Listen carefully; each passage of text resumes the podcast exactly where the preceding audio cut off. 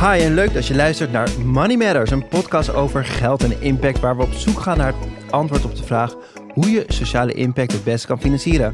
Ik ben Ruben Koekoek, Social Finance NL en deze keer weer een bonusaflevering waar ik met een gast in gesprek ga over een actueel onderwerp.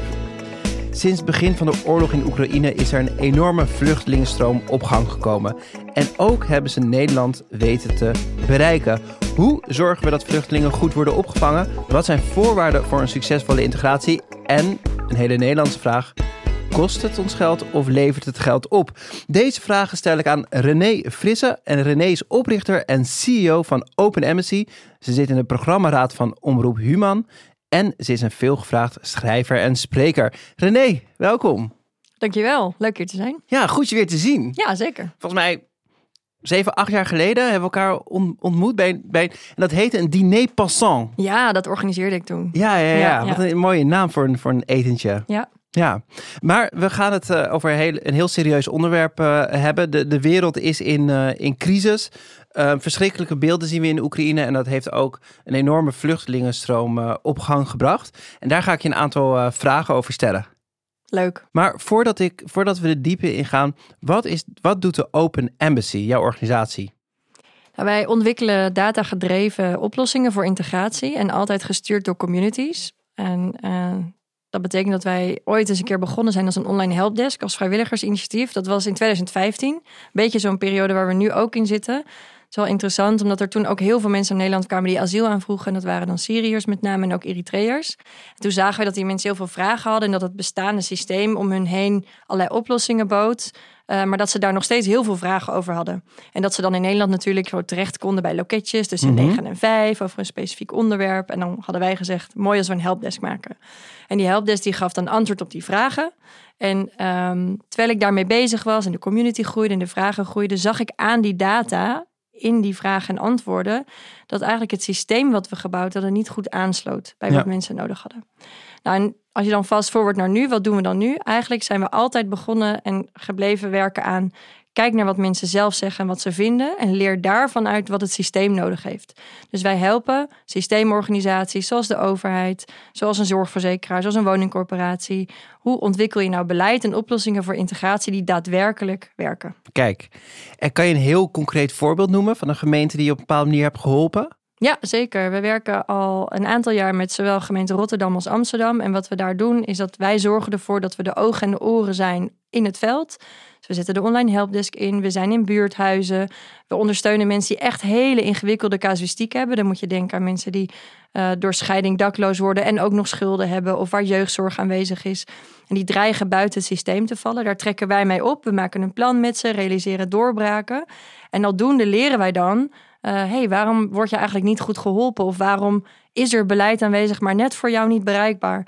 En dat vertalen we dan, al die data samen, dus van de helpdesk, van de offline bezoeken die we afleggen, naar inzichten voor de gemeente. Dan zitten we maandelijks of twee maandelijks met ze en dan bespreken we, hey, kijk, we hebben een rapportage gemaakt, dit is wat wij zien. Jullie hebben op papier gezegd dat je het zo regelt voor de kinderopvang, maar in de praktijk komen we allemaal gezinnen tegen dat het, dat het heel anders uitpakt. Dan kunnen we eigenlijk aldoende uh, interventies plegen op het bestaande beleid. Maar we zoomen ook nog een keer uit en dan zeggen we: hey, zijn er nou niet rode draden te vinden voor de grotere groep? En daar ontwikkelen we dan langere termijn interventies voor. En zo hopen we de gemeente lerend te maken, zodat wij ook niet meer nodig zijn op een gegeven moment, dat ze op, deze manier zelf kunnen gaan werken. Helder. En kan je nu uh, beschrijven wat er op dit moment gebeurt? Hoeveel Oekraïners zijn er in Nederland en, en waar, waar zijn al deze uh, nieuwkomers, vluchtelingen? Ja, dat ontwikkelt zich heel snel natuurlijk. Um, er zijn uh, tienduizenden mensen in Nederland inmiddels. En um, opvallend is dat uh, vanuit de Europese Unie is gezegd: we gaan deze mensen als Europa, mensen die lid zijn van de EU, gaan we opvangen mm -hmm. volgens een bepaalde een, eenzelfde manier. Dus wij gaan laten zien dat we mensen gewoon uh, die gevlucht zijn op kunnen nemen en elk land mag zijn eigen richtlijnen maken. En, wat, en dat betekent dat anders dan normaal gesproken. Mensen die asiel aanvragen, die moeten naar Ter Apel. Die gaan naar een AZC. Die worden gehoord door een IND-medewerker. Moeten wachten tot ze een status krijgen. Worden dan weer in AZC's geplaatst. Dan aan een gemeente gekoppeld. Een heel traject waar heel veel wachten in zit. Dus mensen zitten, zitten makkelijk twee, drie jaar te wachten voordat ze iets mogen. Mhm. Mensen uit Oekraïne, uh, die komen hier. Die moeten wel geregistreerd worden bij een gemeente. En dan krijgen ze een BSN, een BSN-nummer. Uh, en dan zijn ze eigenlijk al meteen onderdeel van de samenleving. Ze mogen meteen werken. Dat is een ongelooflijke uitzondering op de andere groep. Dus dat is, uh, als je vraagt hoe het gaat, dat is eigenlijk wat het meest in het oog springt. Dat deze mensen eigenlijk meteen uh, mee mogen doen. En dus ook niet naar een centraal punt gaan waar volgens, en waarnaar ze verspreid worden. Dus je ziet dat groepen eigenlijk bewegen naar de plekken waar ze familie hebben of vrienden hebben. Of redelijk randomly gewoon de trein naar Amsterdam Centraal hebben genomen. En vanuit daar dan weer verder reizen.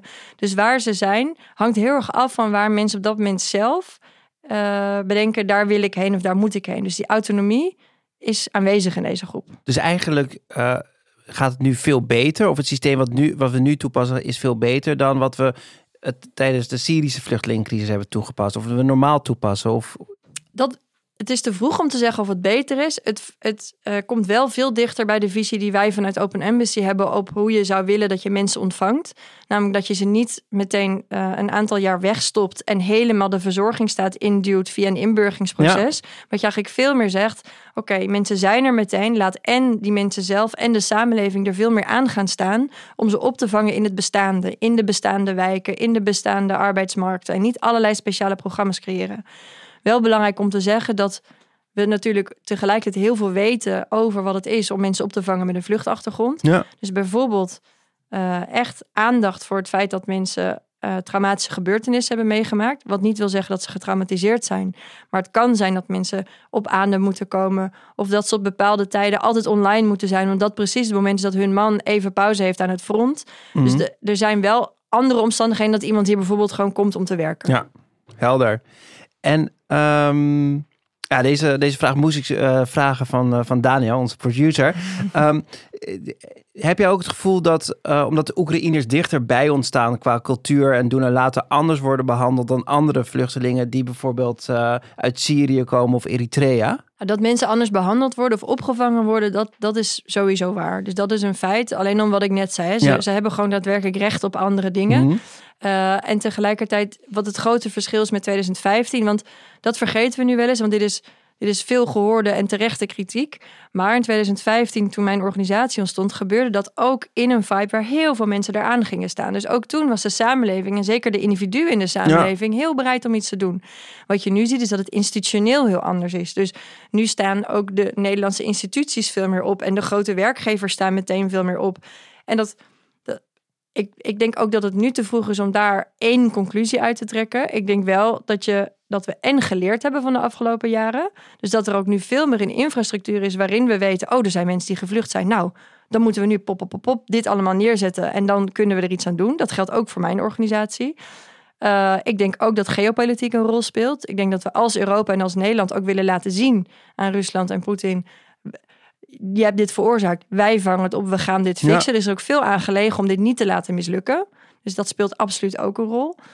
Um, het speelt ook een rol dat ons asielsysteem overbelast is. Dus als we deze mensen via de geëikte route binnen laten zouden komen, dan zou het COA en de IND op dit moment zoveel werk hebben dat het mm -hmm. hele systeem wat toch gewoon nu uit zijn voegen barst, tot stilstand zou komen. Precies, dus het kan eigenlijk ook niet anders dan, dan om het decentraal nee. te doen. En en ik denk wel belangrijk om te zeggen dat in mijn team werken uh, voor de helft van de helft van mijn team bestaat uit mensen die zelf gevlucht zijn ooit of recent. Mm -hmm. En zeker de mensen die uit Syrië komen, voelen natuurlijk wel de pijn. Die, die zijn en heel bereid om mensen uit Oekraïne te helpen, juist omdat ze, omdat notabene hun land ook door Poetin Ja. is gebombardeerd. Ze Ja. voelen hoe het is, uh, wat er gebeurt en willen daar aan gaan staan. Ze zeggen ook, nou, we zien wel dat er een verschil is. Hmm. En ook in wie uit de, wie uit de samenleving precies opstaat. Dus uh, om terug te gaan naar de vraag van Daniel, ik denk zeker dat er, dat er um, dat je nu ziet dat mensen makkelijker ook in huis worden gehaald, letterlijk. Ja, precies. Ja, nee, ja. herkenbaar. Um, en dat Nederlandse inburgeringsproces, je hebt al aangegeven dat gaat nu wat anders dan, uh, dan we gewend zijn. Maar hoe doen we het als Nederland ten opzichte van andere landen? Zijn we een goed, goed land als het gaat om het helpen integreren van, van nieuwkomers of vluchtelingen in dit geval? In vergelijking, vergelijking met andere landen is het natuurlijk in Nederland hebben we een fantastische context. Dus het feit dat we een sociaal vangnet hebben, het feit dat mensen in Nederland recht op een sociale huurwoning hebben, dat is heel uniek. In Mhm. Europa zijn er weinig andere landen die zeggen je krijgt echt een huis van de overheid. In, in Frankrijk, in België zul je zelf huizen moeten zoeken bijvoorbeeld. Dus dat op de eerste plaats. Er zijn allerlei randvoorwaarden in Nederland georganiseerd die echt waanzinnig zijn. We zijn we hebben, ik ben ook echt fan van ons overheidssysteem en van het sociale draagvlak. Je voelt hem natuurlijk aankomen, nu komt het Mhm. maar. Eh, dit is geen disclaimer, want ik vind dit ook echt maar. Ehm, tegelijkertijd hebben we het nu zo ingericht dat we dus eh, autonomie ehm, eh, weghalen bij mensen door ze in AZC's te stoppen.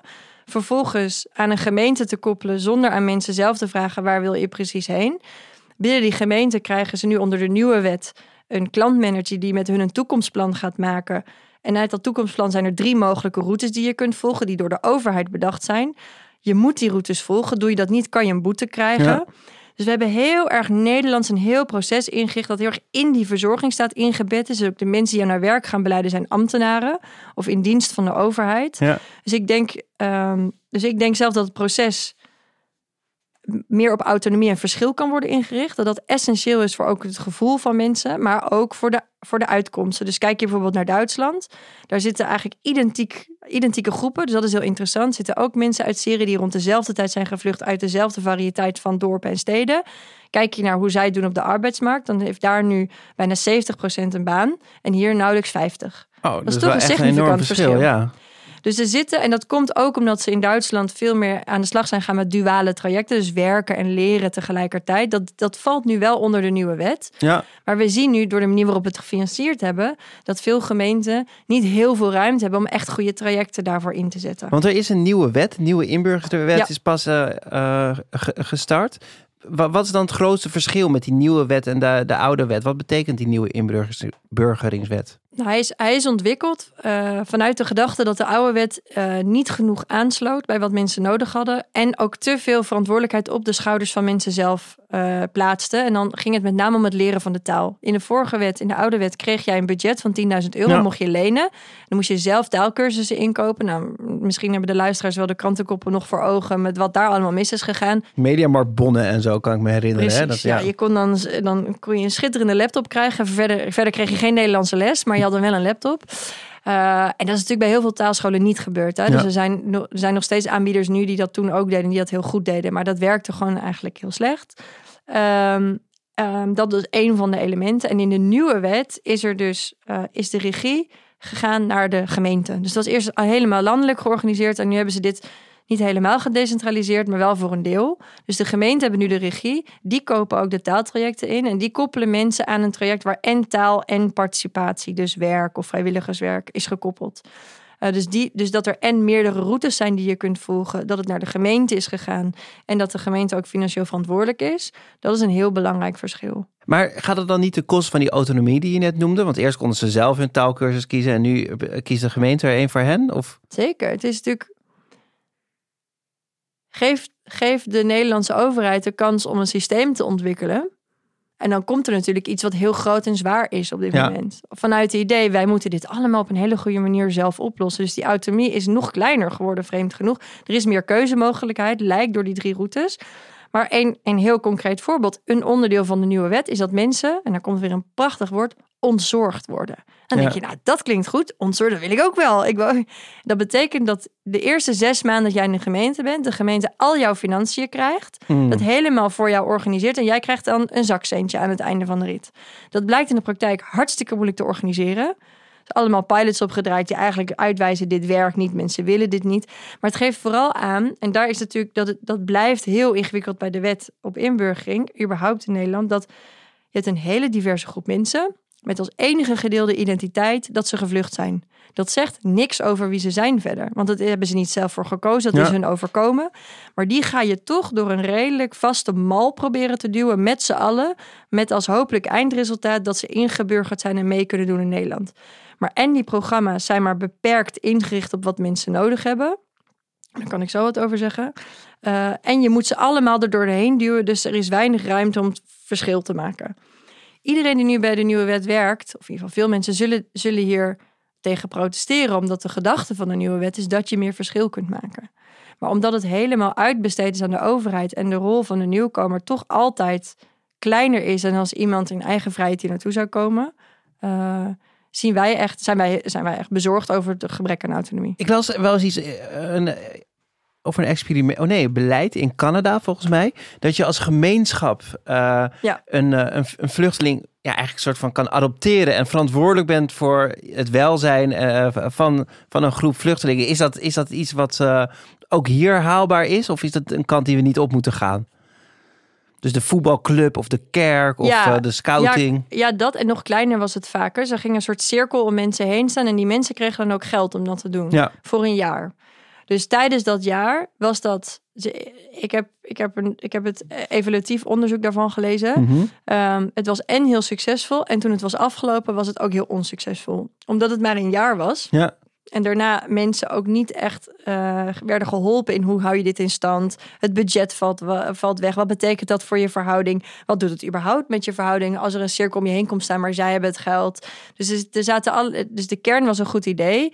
De uitwerking daar toen was medium geslaagd. Maar je hebt een initiatief in Nederland dat hiermee bezig is. Maar echt op, op gewoon eigen initiatief. Die bezig mhm. zijn om cir cirkels te vormen om mensen. En dan krijgen ze geen budget van de overheid. Maar die proberen wel een steungroep te zijn. Ja, dat is volgens mij fantastisch. Ik denk dat we, als je naar Nederland kijkt ook. Hè, wij zijn het land dat het, het, het hoogste aantal vrijwilligers heeft in Europa. Uh, er zitten ongelooflijk veel uh, draagkracht en wil om iets goeds te doen voor mensen. Zeker als je het klein maakt. Dus is één iemand of één gezin. En dan ga je één specifiek ding voor doen. Daar zijn we echt toe in staat. Dus hoe kunnen we met wetgeving juist die kracht die we al hebben uh, stimuleren in plaats van dat we als dat de overheid de, de alles gaat regelen? Ja, dat is, on, dat is echt onze ontwerpvraag van, het, van de organisatie, waar we natuurlijk al een beetje een idee van hebben.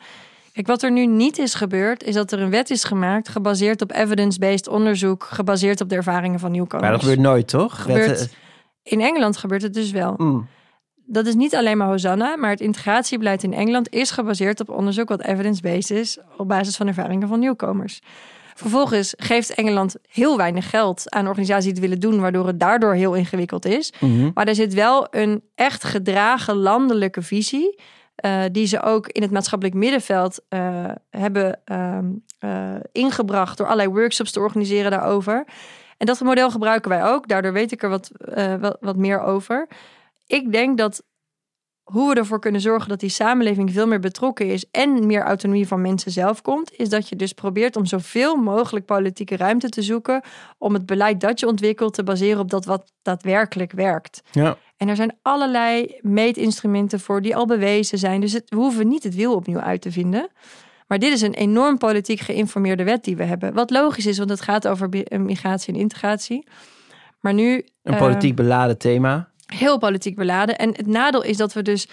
Uh, uh, mijn interpretatie daarvan is, is dat we, omdat we op migratiebeleid niet echt een scherpe visie hebben en geen keuzes durven te maken, wordt dat integratiebeleid een beetje gebruikt als een, als een plek waar je dan dingen kunt inbouwen die dan zogenaamd zouden moeten afschrikken voor migratie. Terwijl ik moet echt de allereerste nieuwkomer nog tegenkomen die zo lekker zo vanaf zijn bootje eventjes alle beleidsteksten googelt van alle landen mhm. en dan zegt, oh ja, maar in Nederland is het echt lekker een vetpot. Dat, is, dat, dat gebeurt niet. Dus het is ook, het, het is ook herhaaldelijk bewezen dat het zo niet werkt. Er zijn heel veel boeken over geschreven, maar goed, dat is niet de input voor het beleid maken, zo'n boek. Ja. Helaas. Hey, en uh, het heet Money Matters, de podcast. Dus we gaan het toch echt nog even over geld hebben. Goed zo. Levert een vluchteling nou geld op of kost het geld aan de Nederlandse maatschappij? we, weten, we weten niet hoeveel uh, het nu kost of bijdraagt, omdat we simpelweg die berekening niet maken. Dat doen we uh, internationaal, zijn er wel onderzoeken naar gedaan. Dus dat is heel interessant. Er is een fantastisch boek geschreven, Us versus Them heet het. En how, how um, ik geloof How Immigrants and the, and the Receiving Country so can thrive together. Dat gaat echt over integratie. En daar zet hij gewoon data na data na data achter elkaar. Waarin laat zien dat als je mensen ontvangt in je land, of ze nou gevlucht zijn of migreren, dat dat in die end, zowel voor het ontvangende land als het land van vertrek, geld oplevert. Mhm. Dat is heel omstreden, omdat er ook heel veel onderzoek zijn die het tegenoverstellen wil, willen laten zien. Maar deze man heeft wel echt heel veel verschillende onderzoeken achter elkaar. Dus mijn visie op, op dit vraagstuk is mits je mensen op een goede manier ontvangt en de, en de, en de voorwaarden schetst waarin mensen echt kunnen, uh, kunnen doen waar ze goed in zijn, kan het geld opleveren. Op dit moment uh, integreren mensen die gevlucht zijn in Nederland vanuit een systeem waarin ze heel lang in de wachtstand zitten. Ze mogen Ja. dan wel inburgeren, maar ze zitten niet echt in de samenleving. Dus omdat we dat zo organiseren, dus we zetten ze weg. Hè, dat is ook, eh, ook politiek geïnformeerd. We willen heel lang dat mensen niet meedoen, zeker als ze nog geen status hebben. Dat komt ook erg vanuit politieke partijen die zeggen: we willen liever geen vluchtelingen hebben. Dus zolang ze hier zijn en ze nog niet zeker weten of ze mogen blijven, mogen ze sowieso. Gaan we ze ergens in een soort heel ver oord, in een ver dorp eh, plaatsen. Dus je plaatst ze buiten de samenleving. Ja. Maar we hebben ook een cultuur in Nederland die heel erg van het helpen is. Dus we willen heel graag mensen ondersteunen en zien vanuit wat ze niet hebben, zodat wij wat kunnen bijdragen.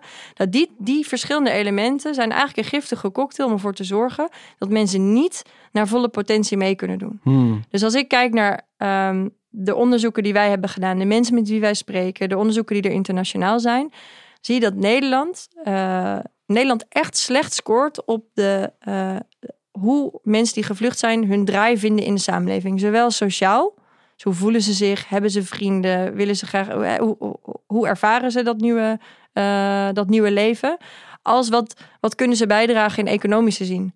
Dus mensen hebben sowieso banen onder hun niveau. Ze werken heel vaak als ze al een baan hebben, part-time, eh, in slecht betaalde banen. Dus het is echt heel droevig gesteld met wat wij mogelijk maken. En nu komt het interessante.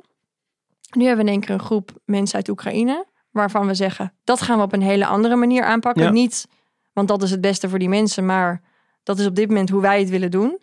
Dus er is een waanzinnige kans om bij te gaan houden, ook, ook met een maatschappelijke kosten- en baatanalyse. Wat betekent dit nu eigenlijk? Dus er gaan nu en mensen dit jaar voor het eerst integreren via de nieuwe wet. Mhm. En er gaan mensen uit Oekraïne volgens een ander stramien hun weg vinden. En wij zijn ook nu bezig om precies dat te gaan onderzoeken in de praktijk, maar wel echt ook met bewijs en ook de geldstromen volgen. Kijk, nou, dat, eh, ik ben heel benieuwd wat, eh, wat eruit komt. Super bedankt voor je enorm overzichtelijke verhaal van, van wat die eh, vluchtelingencrisis betekent en ook eh, welke gevolgen het heeft, eh, ook voor, voor Nederland. Ehm, mocht iemand luisteren en denken, ik wil bijdragen, hè, want er zijn op dit moment best wel veel mensen. Wat, wat is dan een, een goede manier? Wat kan je doen via Open Embassy bijvoorbeeld? Je kunt ons een bericht sturen, sowieso. Ehm, waar wij heel erg naar op zoek zijn, is naar, naar plekken waar nieuwkomers terecht kunnen. En niet alleen mensen uit Oekraïne, dat vind ik toch van belangrijk om erbij te zeggen, maar eigenlijk iedereen die nieuw is in Nederland. Ehm, dat zijn werkplekken, het zijn plekken waar mensen mee kunnen doen. Het kan zijn dat je een workshopruimte hebt waar je workshops geeft die je wil aanbieden. Dus ik zou zeggen, denk heel erg na bij jezelf. Wat ligt dicht bij jezelf, wat je toch al goed doet en goed kan? Want dat ga je het langste volhouden. Mhm. En kijk daar of er in, die, in dat talent of in die ruimte plek is voor een structureel klein stukje tijd voor een ander. Daar hebben we het meeste aan. Ehm, en verder zou ik juist zeggen, kijk ook naar. eh, nee, laat maar. Dat wordt een heel lang verhaal. Dat. Ja, nou, geweldig. Dankjewel René dat je met ons in deze drukke tijd eh, in gesprek eh, wilde. En de luisteraar bedankt voor het eh, luisteren. Ook dank ik onze productie, Spraakmakers Media. En tot de volgende week voor een reguliere aflevering. Dankjewel.